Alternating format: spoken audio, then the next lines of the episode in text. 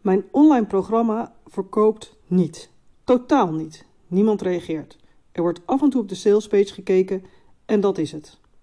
Hallo en welkom bij aflevering 124 van de podcast Van Denken naar Doen met Esther. Deze vraag werd vanmorgen gedeeld in een community waar ik onderdeel van uitmaak.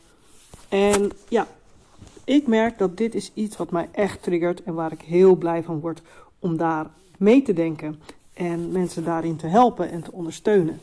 En uh, degene die deze vraag stelde, die, uh, nou, ik ben even op zoek gegaan naar wat ik dan tegenkom en wat voor mij dan belangrijk is, waarom ik denk dat je niet verkoopt.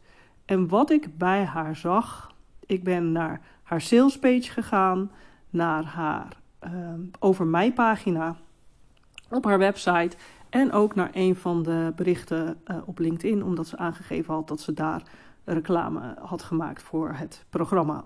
Als een van uh, de acties die ze had gedaan.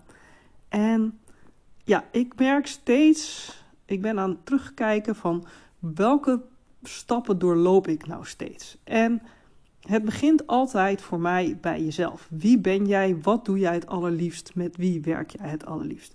En het eerste wat mij opviel was dat ze bijvoorbeeld op haar over mij pagina een heel duidelijke doelgroep had gekozen. Mensen met wie ze het allerliefste werkte. En vervolgens, zowel op de pagina waar, ze haar weggever, um, waar mensen haar weggever konden aanvragen op haar website, als op de salespagina van het programma dat niet verkoopt, als in de LinkedIn berichten, kwam ik niks van deze doelgroep tegen. Dus ze heeft eigenlijk wel een doelgroep gekozen. Ze weet met wie ze het allerliefste werkt, maar ze spreekt hem totaal niet aan pardon, in haar marketing. Het andere wat ze had gedaan was dat ze een bezwaar had gevonden uh, van mensen. Hè, mensen die hebben al van alles geprobeerd in hetgene wat zij aanbood. En dat had met het leren van een taal te maken. En ze hadden al van alles geprobeerd. En twee dingen die ze hadden geprobeerd was uh, iets te leren met uh, woorden, woordjes leren, dat ze dat vervelend vonden. En ook grammatica. En toch op haar salespage stonden dat eigenlijk ook als features van haar eigen programma. En daarin zeg ik dan: hey, soms moet je mensen inderdaad vertellen wat ze willen horen en niet wat ze nodig hebben. Dus zij deed het natuurlijk op een andere manier. Dat vertelde ze ook. Ze deed het op een andere manier. Niet zoals mensen standaardwoordjes leren en ook heel specifiek wat ze nodig hadden. En hetzelfde voor grammatica. Maar op het moment dat je denkt, ja, maar ik heb nooit meer zin in woordjes leren of grammatica. En dat staat dan op zo'n sales page van, hé, hey, uh, ik doe dit. Dan kan je nog zo aangeven van, ik wil, doe dit op een andere manier. Die leuker is, makkelijker, lichter. Maar mensen willen het niet. Dus op het moment dat ze zien dat ze dat moeten doen zijn ze uh, niet meer zo geïnteresseerd in jouw programma. Dus dan is het de vraag, hoe ga je dat dan wel doen? Uh, dat kan je dan misschien bijvoorbeeld in je programma, als je ze al hè, een stukje hebt meegenomen, dan zeg je van nou ja, je hebt nu dit en dit en dit bereikt. En dan is het toch misschien handig als je deze woordjes er ook bij gaat stoppen. Dus of je doet het op een hele andere manier en je noemt het niet eens woorden leren en grammatica, maar juist die woorden die ze gebruikten, dat zijn de woorden die ook haar klant negatief triggeren. En dat kan je dan beter niet doen. En nou was nou nog een dingetje. Ik ga even nadenken, want ik had nog iets bedacht, maar ik weet hem even niet. Oh ja, en het derde was dat, um, nou ja, ze had al heel veel ervaring in het vak dat ze deed. En dat stond dus ook weer op de Over Mij pagina. En uiteindelijk kreeg ik het vermoeden, maar dat is niet bevestigd, maar dat, dat proef ik dan uit hoe er over gesproken wordt.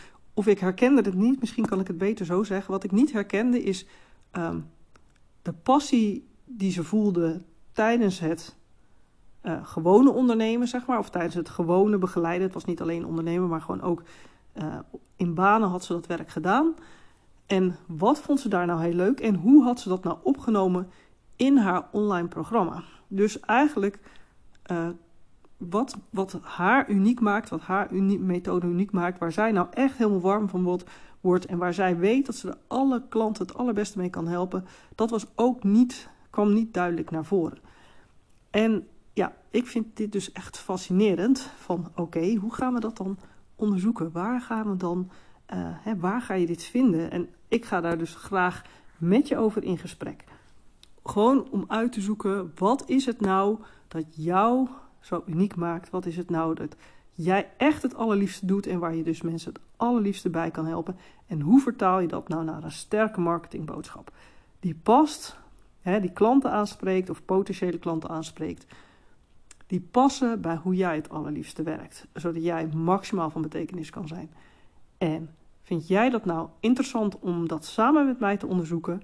Dan kun je starten door mijn gratis checklist in te vullen. Dat is een aantal vragen waarbij je dus uh, je marketingboodschap weer helemaal even uitschrijft en nog wat andere vragen. En daarna ga ik graag met je in gesprek om te kijken of die marketingboodschap past bij wat jij het allerliefste doet. Nou, wil jij deze checklist invullen? Kijk dan op www.esterbennett.nl gratis min checklist. Dankjewel voor het luisteren weer en ik zeg tot de volgende podcast.